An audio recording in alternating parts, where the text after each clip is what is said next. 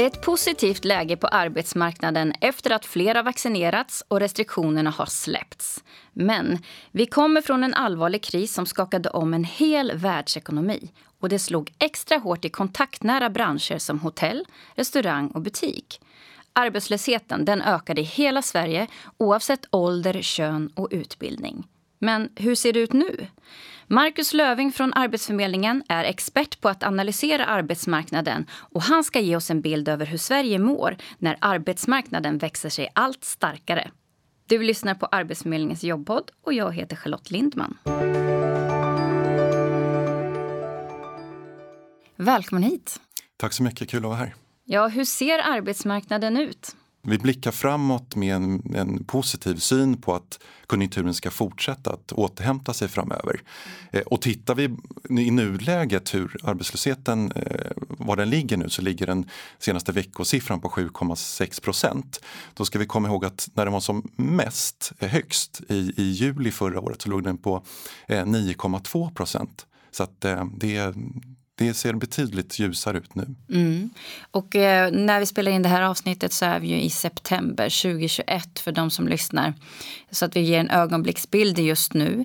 Eh, men de här siffrorna, eh, 9,2 och 7,6. Alltså om vi tar i, i antal, kan man säga ungefär så att man har en bild över hur många personer är det här? Ja, eh, just nu eh, i nuläget så ligger vi för första gången så att säga, in, i samband med krisen på strax under 400 000 personer. Eh, och eh, arbetslösheten fortsätter att, att ticka ner och vi ser också i våra prognoser att, att eh, det kommer att fortsätta minska framöver. Eh, så att Eh, det är väldigt positivt. Eh, samtidigt som, som det förstås också eh, finns en hel, eh, en hel del personer som, som dessvärre fastnar i arbetslöshet också. Mm, och vi ska återkomma till det alldeles strax. Men om vi ska ta pulsen här nu på Sveriges arbetsmarknad idag. Hur mår Sverige? Ja, men i grunden så är svensk arbetsmarknad väldigt stark. Eh, och den blir starkare för varje vecka som går nu. Eh, och det hänger samman med att, att eh, konjunkturen tuffar på helt enkelt. Men sen ska man inte heller glömma de stora utmaningarna som finns på, på, på arbetsmarknaden i det som vi snuddade vid precis, det vill säga eh, långtidsarbetslösheten mm. som har ökat tydligt och som nu trots att den totala arbetslösheten inte minskar ligger kvar och ser ut att ha fastnat på en, en högre nivå än, än tidigare. Samtidigt då som vi har väldigt många arbetsgivare som inte hittar arbetskraft. Ja, att... precis. Och det här är ju också någonting som vi ska, vi ska gå till botten lite grann om det här alldeles strax. Men jag skulle vilja veta innan vi går in där. Vilka är det som får jobb nu då? Eh, I och med att det ändå är en positiv utveckling ifrån den här krisen som vi har haft det ser ju ändå positivt ut som du säger. Vilka är det som får jobben? Ja, vi brukar ju på Arbetsförmedlingen ofta och gärna prata om utbildningens roll eh, för att eh, ha chans att få, få arbete. Och det är precis som det som vi ser också i vår egen statistik nu att de som går till, till arbete det är i, oftast personer som har en gymnasial utbildning. Det är en eh, väldigt tydlig fortfarande, om, om inte än tydligare, vattendelare på svensk arbetsmarknad. Eh, det spelar inte roll bara för chansen att få, få jobb eh, i ett kortare perspektiv och, utan det, det, spelar också roll för risken för att fastna i, i tider av längre eh, arbetslöshet. Så du menar att de som blir kvar då, det är de som saknar utbildning? Kan man dra en sån slutsats? Till stor del så ser det ut eh, så, ser ut så ja. Mm. Men vilka är det då? Du säger att det är gymnasieutbildningen som ändå är den enskilda eh, chansen till att få ett arbete. Kan man se någonting om vilka branscher ändå det är som gynnas av eh, den här positiva utvecklingen som vi ser nu? Ja, alltså tittar vi på vad det fylls på nu på svensk arbetsmarknad, det finns väldigt många lediga jobb, eh, så handlar det eh, precis som tidigare inom vård och omsorg. Eh, det handlar om, om IT framför allt, där vi har väldigt många, eh, där det dyker upp så att säga, jobbchanser kontinuerligt. Eh, men sen ser vi också nu en viss ökning också inom hotell och restaurang som har varit extra drabbat under krisen, men det är från låga nivåer. Mm. Så hotell, restaurang, IT och vård är starka marknader som är som både finns just nu och är på väg uppåt. Ja. Om vi ska titta då på de här personerna då, eh, i och med att gymnasieutbildningen är så viktig som du säger. Eh, kan man göra någon jämförelse då eh, hur det ser ut av de som då är utan arbete och som blir inskrivna på Arbetsförmedlingen? Hur stor andel är det då som saknar gymnasiet? Kan man se någon koppling där? Ja men precis. Eh, som sagt, eh, kan bara inleda med att säga att många av de som, som eh, fortfarande så att säga har, har, är långtidsarbetslösa, de var arbetslösa innan krisen. Eh, och eh, redan innan krisen och många av dem har ju som du är inne på så att säga, också en, en, en relativt eh, kort utbildning och det, vad vi då menar är att man saknar en gymnasial utbildning. Mm. Eh, och om vi börjar med att titta på de som har kortast tid Eh, Eh, på arbetsmarknaden eh, utan arbete upp, upp eh, till och med sex månader eh, så saknar 27 procent en gymnasial utbildning. Om vi istället tittar på de som har eh, de allra längsta tiderna, det vill säga mer än två år utan arbete, så är samma andel 41 procent som saknar utbildning. Så att för oss är det väldigt tydligt att ett, ju längre så att säga, man, man har gått eh, arbetslös desto vanligare är det att man just saknar en gymnasial utbildning. Mm. Och, eh, och då ser man ju då det här att det slår väldigt hårt att 27 procent från början saknar utbildning och efter två år så mycket som 41 procent. Hur många personer rör det här sig om i antal då som är i den här långtidsarbetslösheten som du nämner?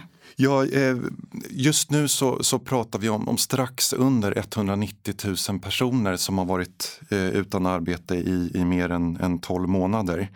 Eh, och ehm, eh, vi ser inte någon, någon återigen att, att trots att, säga, att, att konjunkturen har tagit fart och att, att arbetsgivarna återigen börjar skrika efter arbetskraft så ser vi inte att, att långtidsarbetslösheten minskar på samma sätt som arbetslösheten totalt sett. Mm. Så de som får arbetet av dem då som är utöver, det, det är där det fylls på ifrån som då har utbildning och så vidare? Ja men precis. Exakt. Men om vi bara tittar då på hur det ser ut för ungdomarna. För där har man ju också sett att de har blivit väldigt hårt drabbade mm. i den här krisen. Eh, och eh, vad har vi för siffror där? Eller kan du berätta någonting om arbetsmarknaden för ungdomar? Absolut. Alltså med ungdomsarbetslösheten är det ofta så att eh, vid konjunkturuppgångar så minskar ungdomsarbetslösheten väldigt snabbt. Eh, och på motsvarande sätt vid konjunkturnedgångar så, så ökar eh, arbetslösheten eh, väldigt snabbt och tydligt för den här gruppen. Och, och, det hänger mycket ihop med att det här är en grupp på arbetsmarknaden som inte riktigt lika väl etablerar, som inte har hunnit etablera sig på arbetsmarknaden eh, på samma sätt som, som andra. Eh, som inte eh, har hunnit etablera ett nätverk och, eh, och, och fått tillräckligt med, med, erfarenhet.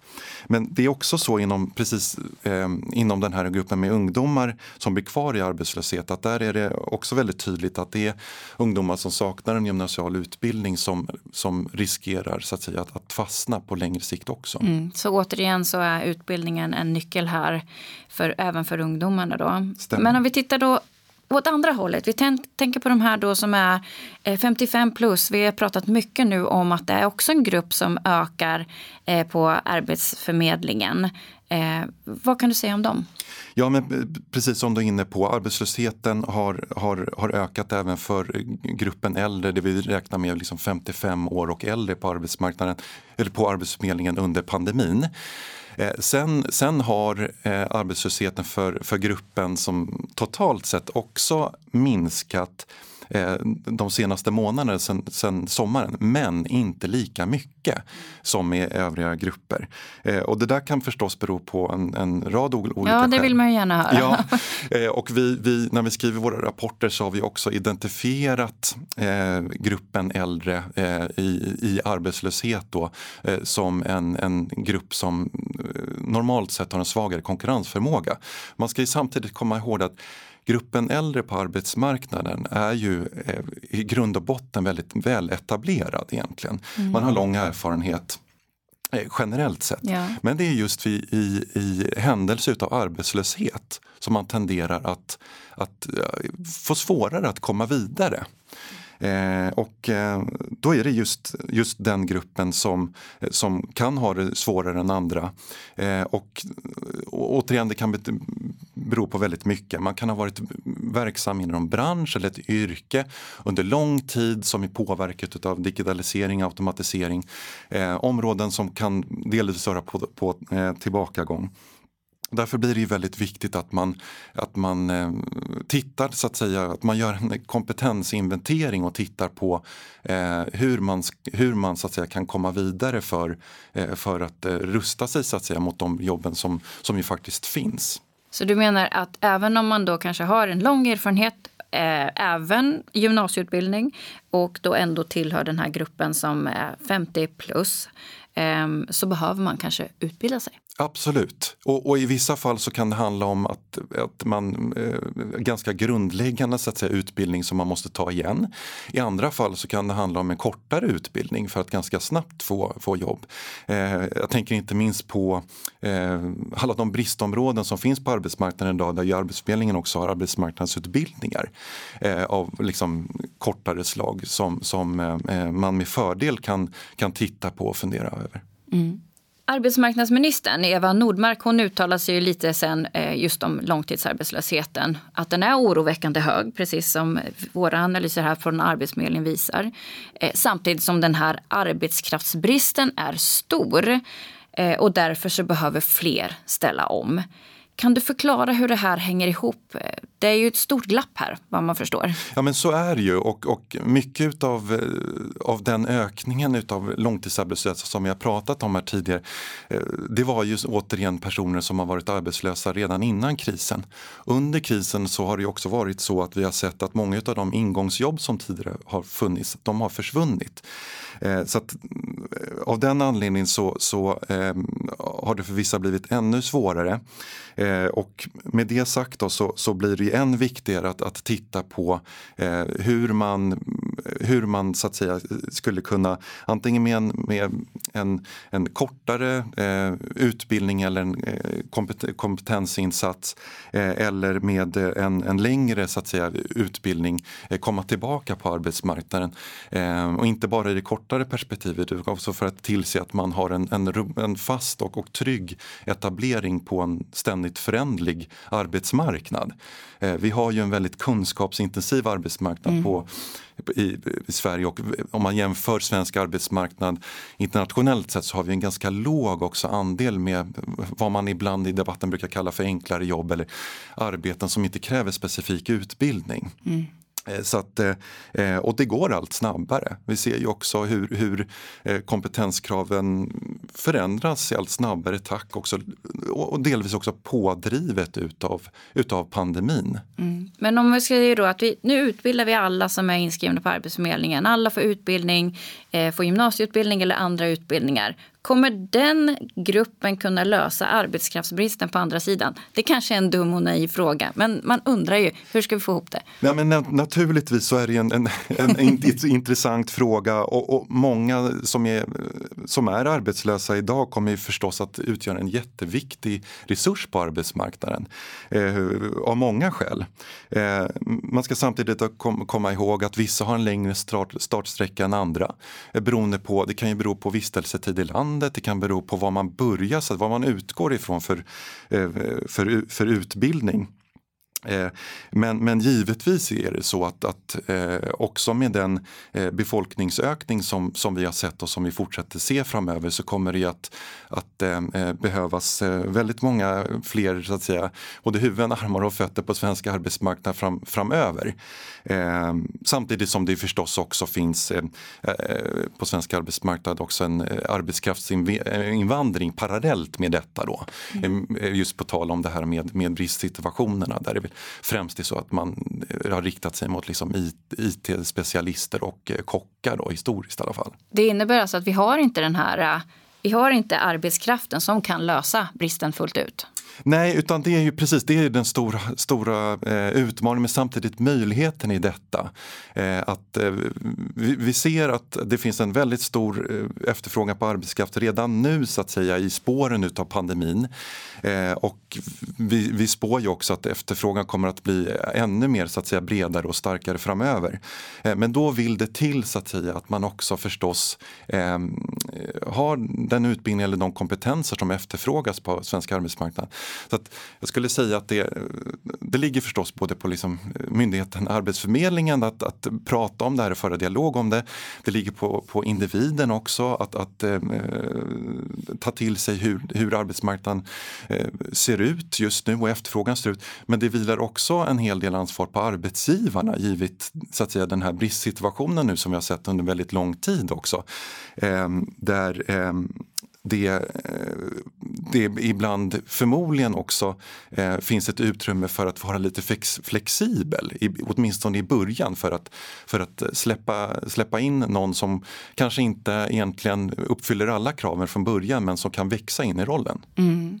Så det är, ju, det är ju inte ett enkelt svar på den här frågan. Annars hade svaret varit betydligt eh, kortare, ja. Eh, förstår jag. Men om vi säger så här då. Eh, hur många av dem då som är utan arbete idag och har varit utan arbete kanske mer ett, eh, i ett år eh, skulle vara hjälpt av en utbildning för att få ett arbete?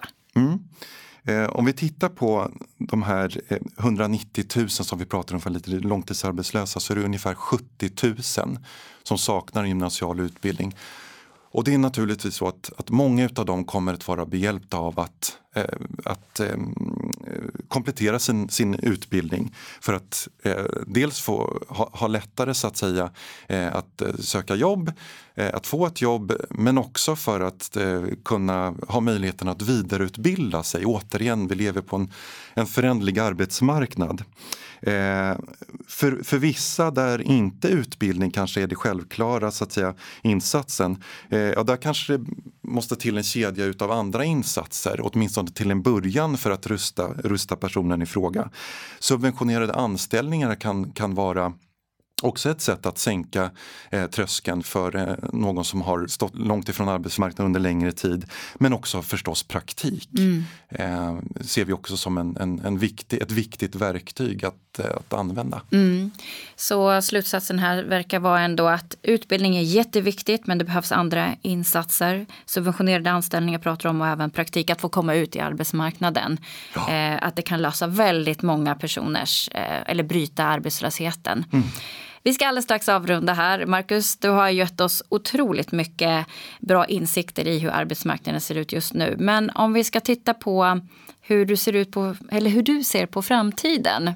Hur ser arbetsmarknaden ut framåt? Spännande fråga eh, och som vi på analysavdelningen förstås tittar väldigt mycket på. Eh, men eh, om man ska bara vara lite mer så generell i, i, svaret så ser jag liksom väldigt eh, Eh, positivt eh, ut på, på eh, den framtida arbetsmarknaden. Vi har en strukturomvandling som, som kommer att fortsätta drivet av digitalisering och automatisering. Eh, vi kommer se vissa jobb som försvinner, vissa jobb kommer att ändras i, eh, i karaktär vad gäller arbetsuppgifter och vi kommer se andra eh, jobb som kommer att växa fram eh, inom vissa branscher. Jag tänker på liksom de här stora trenderna med elektrifiering Bland annat. Eh, så att eh, eh, det kommer hända väldigt mycket så att säga på, på svenska arbetsmarknaden framöver. Eh, och som jag sa tidigare, det stor, finns fortfarande väldigt stora utmaningar. Eh, men om man Eh, om man så att säga också ser att det, det framöver kommer att finnas en väldigt stor efterfrågan på arbetskraft inom väldigt många områden. Och inte minst inom också, om jag får slå ett slag för det så här i slutskedet också, att man inte heller får glömma de yrkesinriktade gymnasiala utbildningarna inom exempelvis industri och, och bygg. Så kommer det också finnas eh, väldigt många jobbchanser på sikt även där och inte bara på, på yrken som är relaterade till eftergymnasial nivå. Stort tack Marcus Löving från analysavdelningen på Arbetsförmedlingen för att du har gett oss en tillbakablick och en framåtsyftande blick och att positivitet och att arbetsmarknaden är stark gör att arbetsmarknaden kommer gå bättre framöver. Stort tack för att du besökte Arbetsförmedlingens jobbpodd. Tack för att jag fick komma. Du har lyssnat på Arbetsförmedlingens jobbpodd med mig Charlotte Lindman. Gäst var Marcus Löving från Arbetsförmedlingen och tekniker Andreas Damgård. Det här avsnittet producerades i september 2021. Har du tankar och funderingar på vad vi ska prata om i podden? Skriv då till podcast arbetsförmedlingen.se. Vi hörs!